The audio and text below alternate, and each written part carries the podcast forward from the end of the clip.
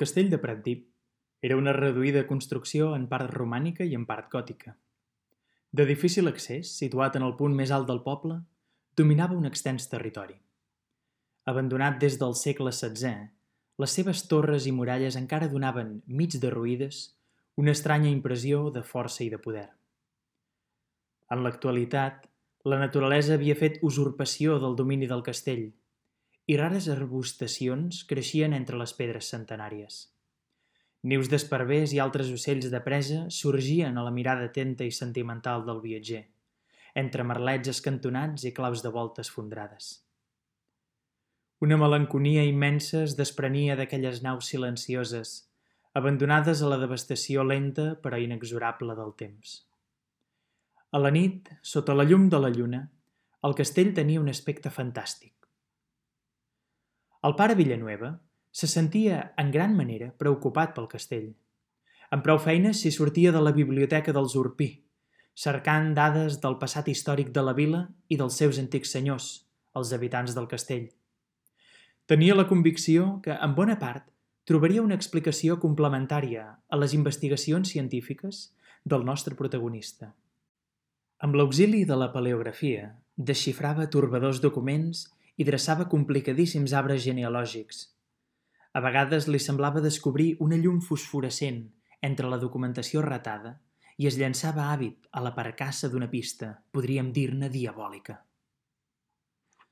Montpalau, mentrestant, havia preparat el parany, on havia de caure el vampir, amb una perfecta precisió. Cap detall no hi fou oblidat, deixat a l'atzar.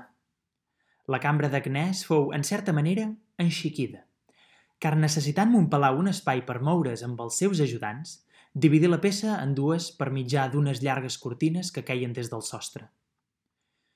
Col·locaren el llit de la donzella contra aquestes cortines, de cara al balcó obert, i així guanyaren l'espai necessari en forma de recambra oculta. En ella, naturalment, vetllarien Montpalau i els ajudants. Aquests foren dividits en dos grups, Nubau i Amadeu, que, junt amb Montpalau, romandrien a la recambra. El batlle Magí Peu de Rata, el carter i el sereno i quatre homes més, coneixedors del país, que amb fanals encesos estarien a la guaita en el portal fermat del casal, a punt per sortir en persecució del vampir. Arribà l'hora fatídica. Agnès abraçà la seva mare amb gran enteresa. Montpalau li besà la mà i li assegurà que estaria al capçal del llit, separat només per la cortina. Si era possible, que dormís i que en tot cas ho fes veure. El vampir, del balcó estant, havia de contemplar un cos adormit, respirant regularment. A darrera hora encara col·locaren a la paret un enorme mirall de marc daurat, perfectament visible des de la recambra. Tothom estava nerviós, excepte Agnès i Montpalau, els dos protagonistes principals de l'aventura. Tocaren les dotze. Agnès s'allità tot seguit, Montpalau, el seu cosí i Amadeu entraren a la recambra i s'assegueren en uns tamborets esguardant, cada un d'ells, amb pudicull, la cambra d'Agnès per unes escletxes fetes ex professo. Damunt dels genolls i amb una mà a la tapadora, Nubau i Amadeu hi tenien una olla plena d'alls pelats, tancada hermèticament. Montpalau havia comprovat que, una vegada destapades, la ferum de les olles era suficient per a desmaiar almenys una dotzena de vampirs plegats. Les hores transcorregueren lentes. Un clar de lluna entrava fins al mig de l'estança, il·luminant-la amb una aparença irreal, fantasmagòrica. Hi havia un silenci dens, angoniós, de mal averany. Agnès reposava tranquil·la, com si estigués profundament adormida.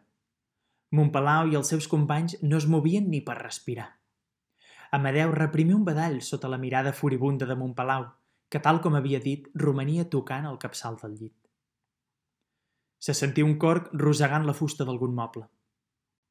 Alguns instants després, sense fer el més lleu soroll, un ombra es projectà contra el balcó, tapant en part la claror de la lluna. L'ombra oscil·lava, com les ales d'una monstruosa rata pinyada. Aleshores, on veié, dreta en el balcó, l'alta figura d'un home cobert amb una llarga capa.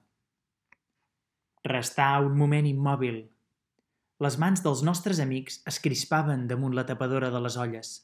el cos amatent a saltar a través de la cortina. La figura avançada vers el llit, com si llisqués, rígida, molt lentament. Passà davant del mirall, que, com era d'esperar, no reflectia la imatge. De sobte, la claror de la lluna banyà la faç cadavèrica del vampir. La mateixa, però com si sortís sepultada de segles de pols, que la del frustrat assassí del nostre protagonista, allà, en la llunyana vila de Gràcia. Una faç blanca, dolorosament estirada cap a unes orelles punxegudes de boc. S'inclinà damunt la son reposada d'Agnès. Llavors, simultàniament, els tres emboscats penetraren a l'estança amb les olles destapades, mentre Agnès cridava histèricament. Montpalau enarborava un crucifix. El vampir retrocedí, ràpid. En sentir la nauseabunda pudor dels anys, la seva cara es contragué d'horrible dolor i, cosa insòlita, el seu cos es tornava fosforescent. Tot fou rapidíssim. L'ombra es densificà i acollí el vampir en estat de fosforescència, el qual des del balcó intentà volar per damunt de les teulades. L'all, però, l'havia intoxicat i alguna cosa fallava en el seu organisme, car tantinejant per l'aire, descendia al carrer i emprengué la fugida. De seguida, però, Magí Peu de Rata i els seus homes sortiren amb els fanals encesos en persecució desenfrenada. L'odi concentrat durant tant de temps tenia ara fàcil eixida. Montpalau, després d'assegurar el balcó amb el corresponent antídot, seguit pels seus companys, s'unia a la tropa de Magí Peu de Rata i seguiren plegats la pista del vampir clarament observable per la fosforescència que llançava. Travessaren sembrats, saltaren per marges abruptes, s'internaren per boscos insondables. Era una cursa desesperada. El vampir descriví un ample semicercle entorn del poble, com si no pogués ultrapassar un límit imaginari. Després, tornà a tensar-se de manera inexplicable al punt de partida. Començava a clarejar. Llavors, davant de l'estupefacció general, emprengué el camí del castell, que pareixia retallat contra la claror de l'alba. Seguit de prop pels seus perseguidors, el vampir s'internà en el vell clos fortificat.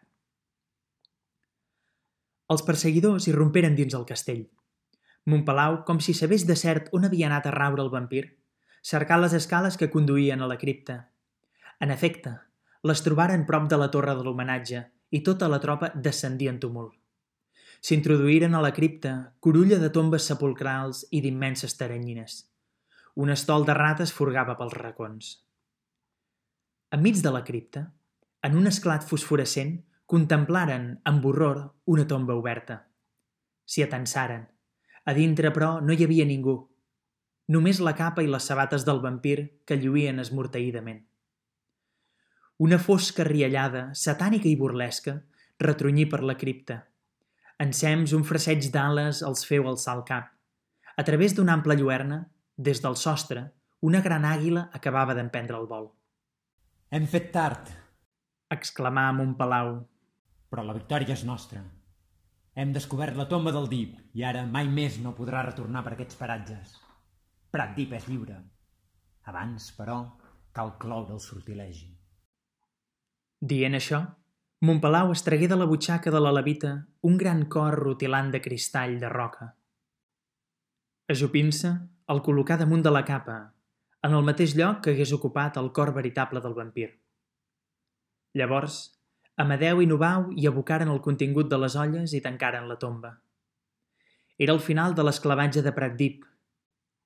Dolçament flotava en l'aire el perfum de les liliàcies.